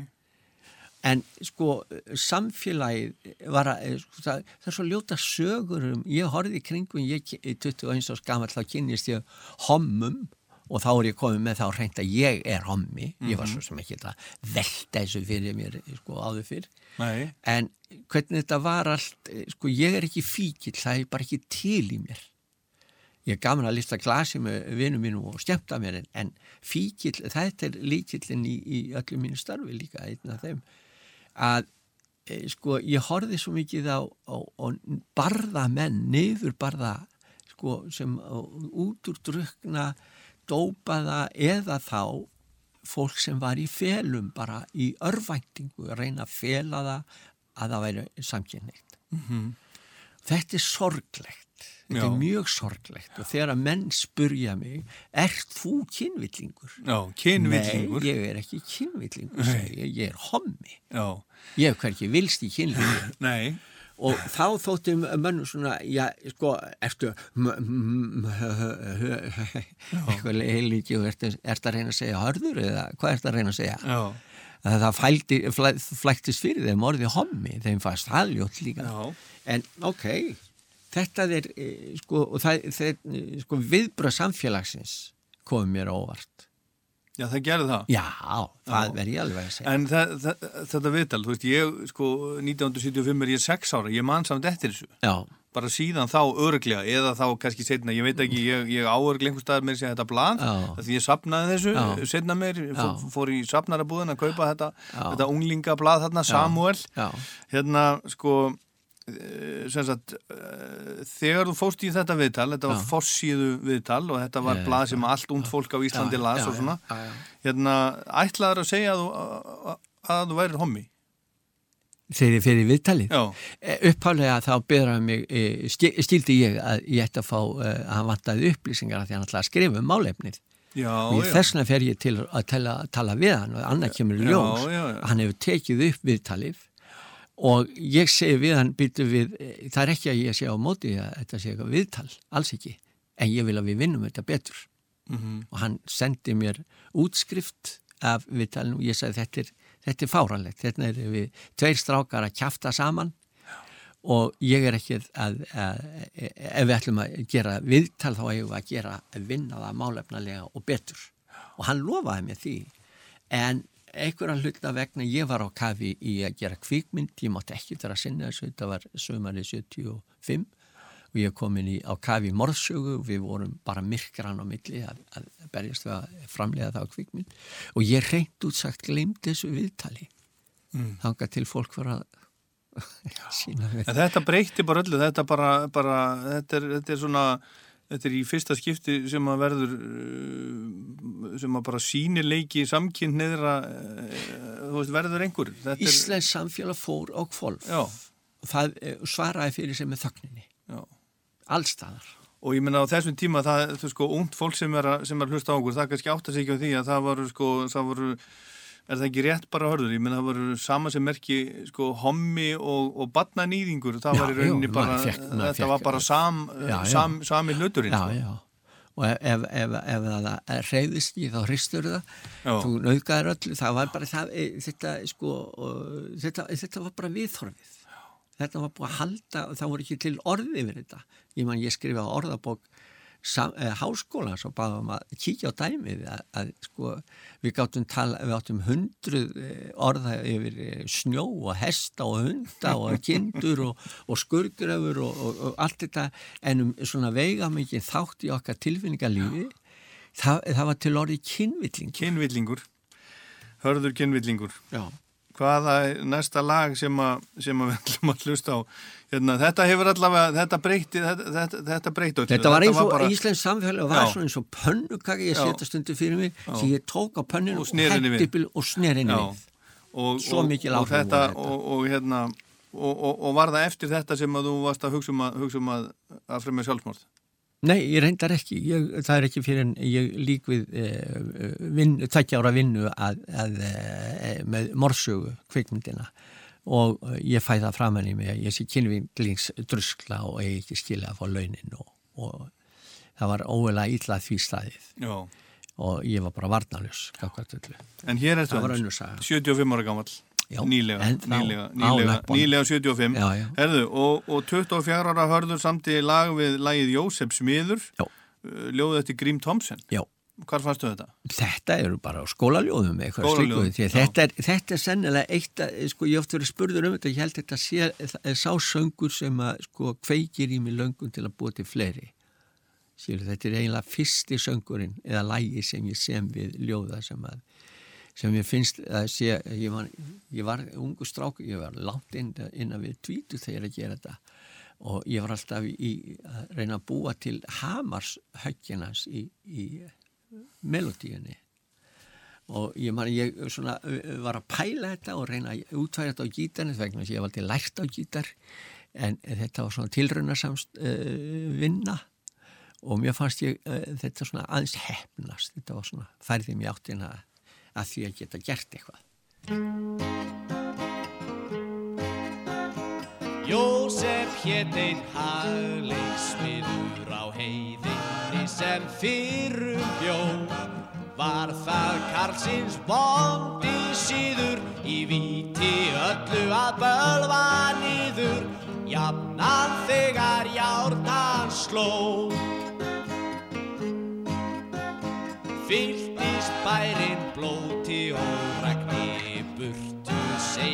fólkið stökk. Fjandan Jósefs orðaðagni urðu fornar greinar sagnir að bærin loks og bóndin sök. Myndaðist þar djúpur dalur dvergar einir byggja nú.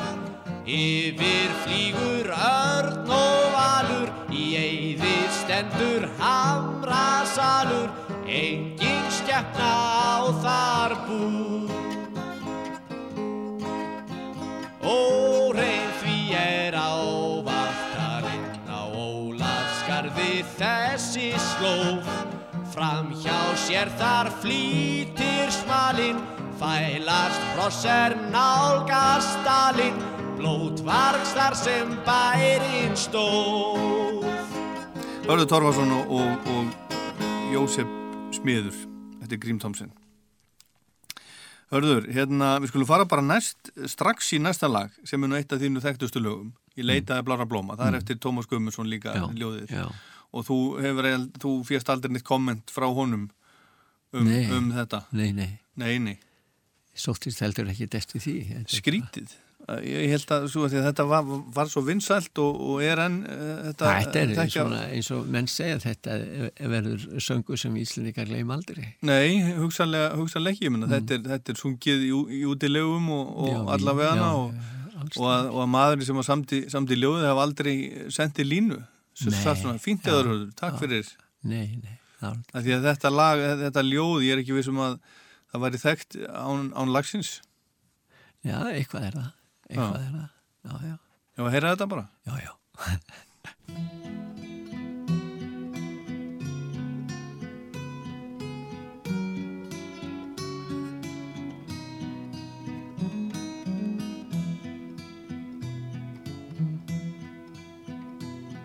Ég leitaði blára blóma að binda þér dálítinn sveig En fölleit kom nóttin og frostið kallt á fegurstu blöðin nei. En ég gat ei hansamað heldur. Þá hljómar sem flögruðu mig. Því það voru allt saman orðlausir draumar um ástina vorið og þig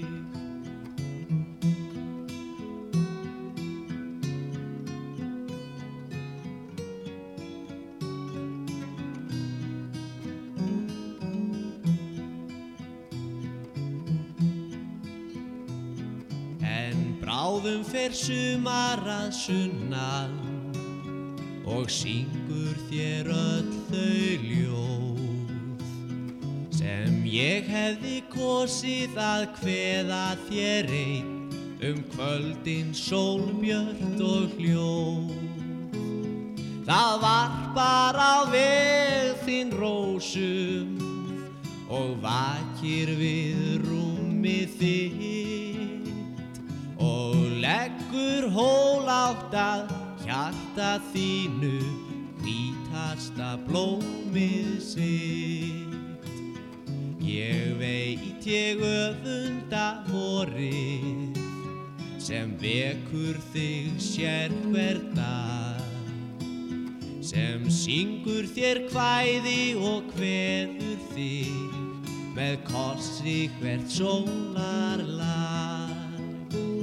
Þó get ég ei annað en glaðst við hver geislir á veg þinn skýr og óskaða söngur ástir og rósir sé alla til saga þín.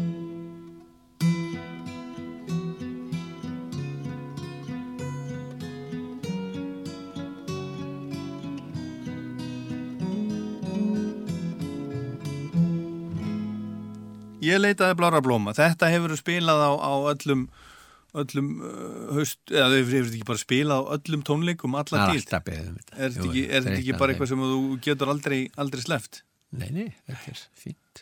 En talandi um haust, hausttónleika, þú hérna, þú varst að tala um það áðan að, að, að svona í kjölfar hrunsins og, og, og því alls þá hafi aðsókn á tónleika hjá þér, hún hafi dotti niður. Já. Það er nú alls konar ástæður sem geta verið fyrir því en þú, þú Já, eða, það eða, eða gerist einu svona e- eitt ári, sko, þú veist Já. aldrei hvað getur verið að gerast í samfélaginu, en þegar það gerist ár eftir ár eftir Já, ár, já. út á landi varum við bara hótað. Nú það er ekkert annað. Já, já, þetta, ég snerti pólitíku, ég snerti valdið og, og að fella ríkistjórn og með öllum þessum uh, látum sem þessu fylgdi, pólitísku áhrifin, þau eru grítið og valdi hefni sín. Já. Fólk tekur undir þetta. Hafa, hafa, hafa pólitíkusar ringt í þig, ringdu þér í þig á þessum tíma og, eða, eða, eða, eða fjast eitthvað skeiti frá þeim svona einhver, Samtöl. einhver Já. leiðindi Nei, nei, þeir, nei, nei, pólitíkusar er ekki þannig. Þeir, eh, þeir myndi aldrei gera það. Þeir, eh, eftir á móti á tímamili þegar ég var nýra á Östuvelli, það voru nokkri sem hafðu sambandi við mig og heldu að ég myndi ætla að fara inn í pólitík og þeir, eh, þetta er fólk sem leita samstarfs og rætti við mig á þeim nótum og Já. ég sagði, eh, sko, ég er, eh, ég er ekki þannig maður, ég er ekki stjórnmála maður í eðlu mínu. Ég ætla mér ekki, um leiði búin með þetta verkefni, um leiði búin að ná árangri sem ég setti mér, þá er ég farin.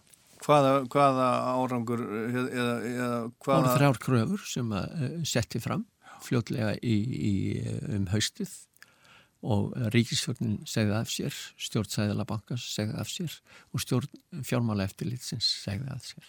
Síðan var undirleikjandi krafa ný stjórnarskrá og hún er ennþá á kafi. Já. heldur að við fáum nýja, nýja stjórnarskrá Það kemur að því, elskar mér best að það er, þetta gengur ekki. Það er, það, það verður. Það, er- þetta, er, þetta er orðið, þetta eru átök á milli fámens hóp stjórnmálamanna og almennings í landinu. Já. En ég ætla að tala um að haust, haustónleika. Þú svona, svona hættir því eða ákast að... Ég lagði þá bara af, Lagði- einfallega. Já, Alveg eins og ég byrjaði á 76 Já. vegna þess að ég sá fram á það viðbröðin að, að sko ég var búin að segja frá hommi og allt það og ég eh, bara beiti mig ok, ég er skipulaði maður eins og er margótt komið fram í, í mínu verkum ég ákveð þá og byrja haustið 76 ég ætla árlega að byrja eh, að hverju hausti uh, halda upp ammali mitt með tónleikum. Síðan er það sagt, ég uh, fletta því sama við að þá er mín dagskrá, vetardagskrá að hefjast. Ég byrja í Reykjavík með höstónleikum og fer svo í kringu landil bæðið sem leikstjóri og, og, og með tónleika. Mm -hmm. Þarna byrjir þetta og svo var það árið bara gott er 2000 alltaf var ekki 12, 14, 12, 13 eitthvað svona þar sem ég tek bara ákveðin og er búið og ég, ég tú, tú, þetta er og það kostar peninga að reyka þetta fyrir höfn og allt þetta og, og þegar koma rúmlega 200 manns og það dettur úr 1100 niður í 200 rúmlega þá segir það sér sjálft að þetta Já, er já. En hérna, en, en Ég stóð... ekki, var ekki að velta, eh, velta þessu mikið fyrir mig, þetta var bara ákverðin Já, og engi sakna. En varst ekki að pæli að gera þetta núna í kringum ammaliðið núna? Allar ekki að halda, að halda tónleika núna? Ég leitaði aðeins út fyrir inn í, í bransan og, og spurði og það er svona, það var ekki dvola jákvægt tónn og ég, ég hugsa kannski það líka, það gerir svo mikið í samtímanum, það er svo mikið hraði og þegar maður vinnur einn út heima hjá sig þá, maður, þá er maður bara sko, maður gerir sér ekki grein fyrir hvað er að gerast út í samfélaginu. Ég er hættur að fylgjast með eins og ég gerði ég var á kafi allar um bara yfir hundra tónleika á ári alltaf. Uh, ég var ekki svo viss um hvort ég vil leiði þegar að halda tónleika. Ég gerði það þegar ég var sjötugur. Mm. þá leiði í gamla bjó það tróðfylg, það seldist strax upp. Gekk vel, eh, gekk vel en, en síðan hef ég ekkert spilað ábyrðarlega.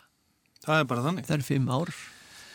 Herðu, næsta lag, hörður, næst síðasta lagið á plötunni, það er Útburðarvæl. Það er svolítið öðruvísi eh, heldur en hinn lögin á plötunni. Það er, það er lengsta lagið, lang Já, lengsta lagið já. og það er hljómar allt öðruvísi. Já, kannski. Ég laði mikla vinnu í þetta, þessa tólkun og þetta... þetta Mikið vetur í gangi. Já, og, og sko, óhugnarinn að bera út börnin og ég, e, e, sko, þarna speiklast ég aldrei út í útbyrðinum og ég man, ég laði mikla pælingu í ja, tólkunina og, og það er kaplaskipti í þessu að hraður, kemur ekki hraður kapli, þetta er aldrei langt lag og texti og hann er að segja alveg rosalega dramatíska ljóta sögu og eh, ég man, sko, áður ég fór til Danmörkur eh, 70, þá gekk ég frá hljóðmynd undir eh, með barðgrátri og fleira. Og Svavar tók það út og bjóð til nýja hljóðmynd. Ég var mjög ósáttur við hann að hafa gert það. Já, já. því ég lagði, og Pétur Stengriðsson vann með mér uh, sem sagt hljóðmynd sem, að, sem átti þarna að vera. Hann tók það út. Og þetta er eh, þetta, eh, svona, þessi texti hafða mikið til mín útburðurinn ákveðum átti barnið ekki vera með já. það fættist, það átti Já. líf Já. Ég upplifi- ég upplifi það, já, og það ég upplifi sjálf að mitt aldrei í þessu hlutverki á sín tíma með ekki vera sem ég er þetta er svona þetta er sálræna, djúpa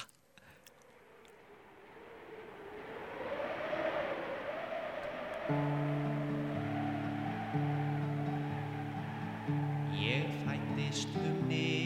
niðdimma nótt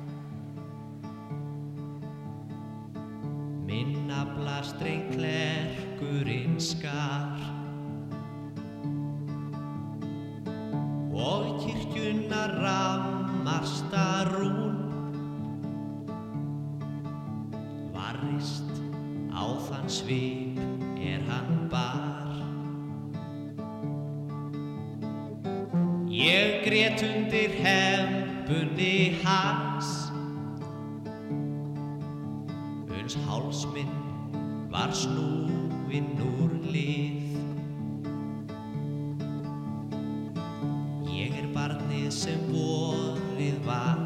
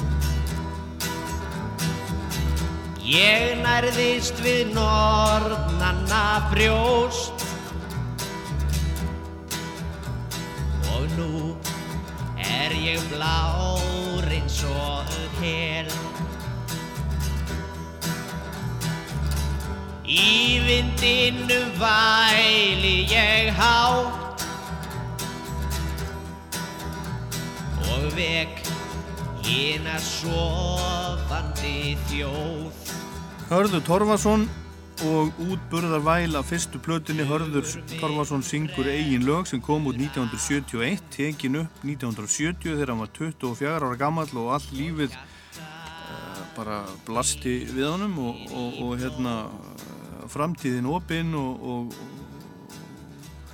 og allt gal opið hvernig líst þér á, á framtíðina Hörður?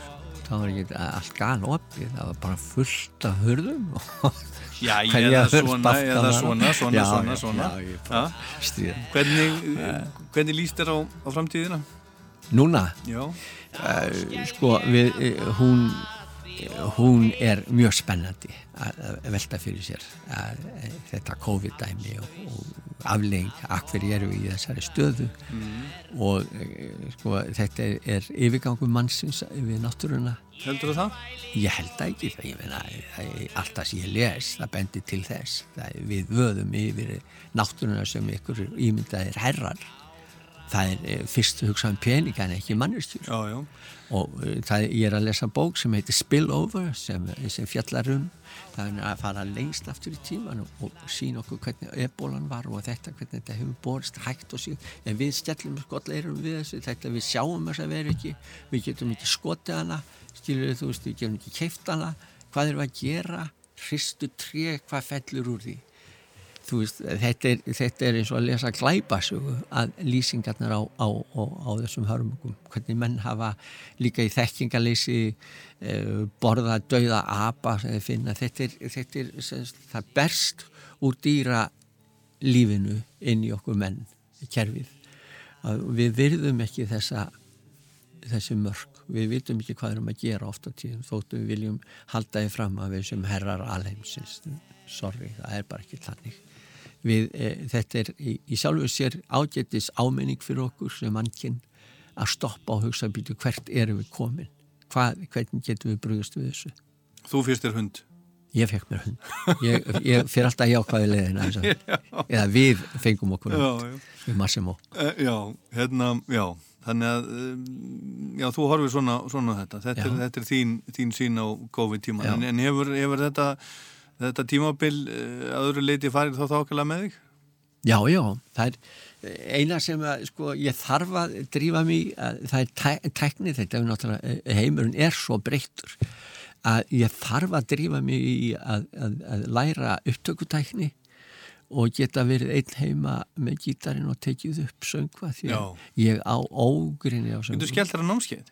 Já, ég þarf ekki að finna eitthvað sliðis og, og fara að læra eitthvað. Og það er meiri síðan að það eru til svona eitt vinnuminn sem að sem býr á Selfossi, hann Já. hérna fekk sér, sér upptökubúna og svo fór hann bara á, á námskeið á netinu. Já, já, já. að þú getur meiri sér gert það þannig. Já, ég, það, ég þarf meira, e, e, meira aðstóð. Þú ég... vilt hafa einhvern hjá þér, hafa einhvern til að tala Já, við og spurja ég- svona. já, ég þarf ég, samtal. Ég skilði, ég skilði, Já. skilði bara mjög vel.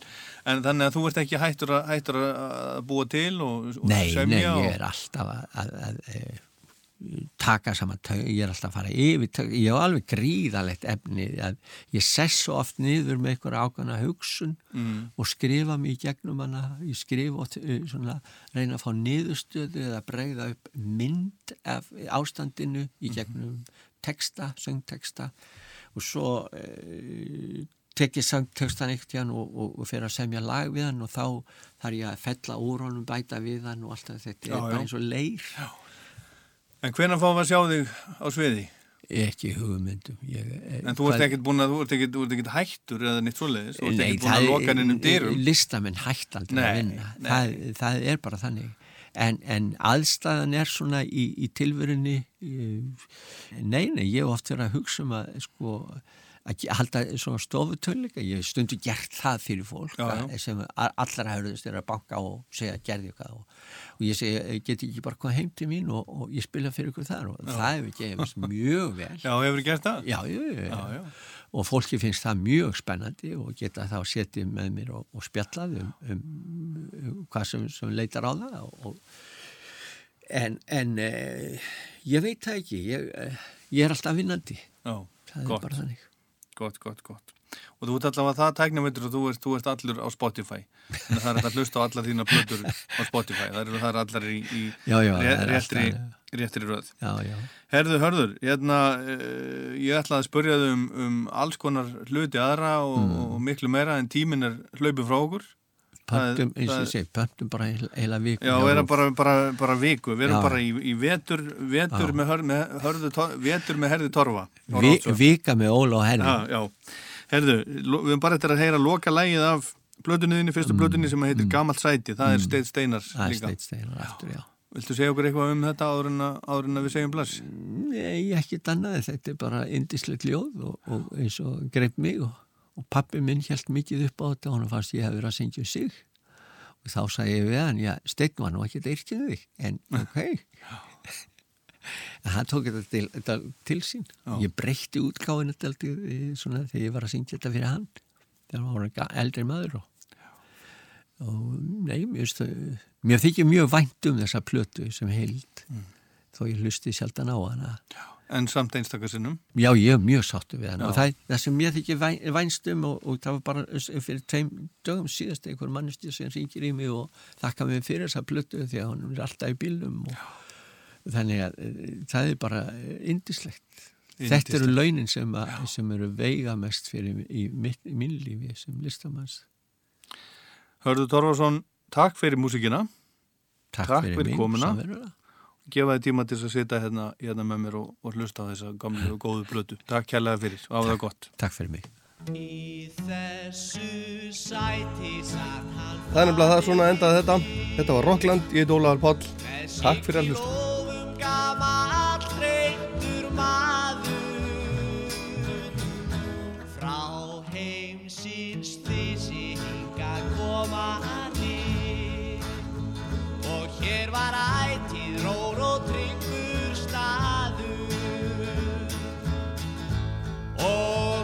mannstu hver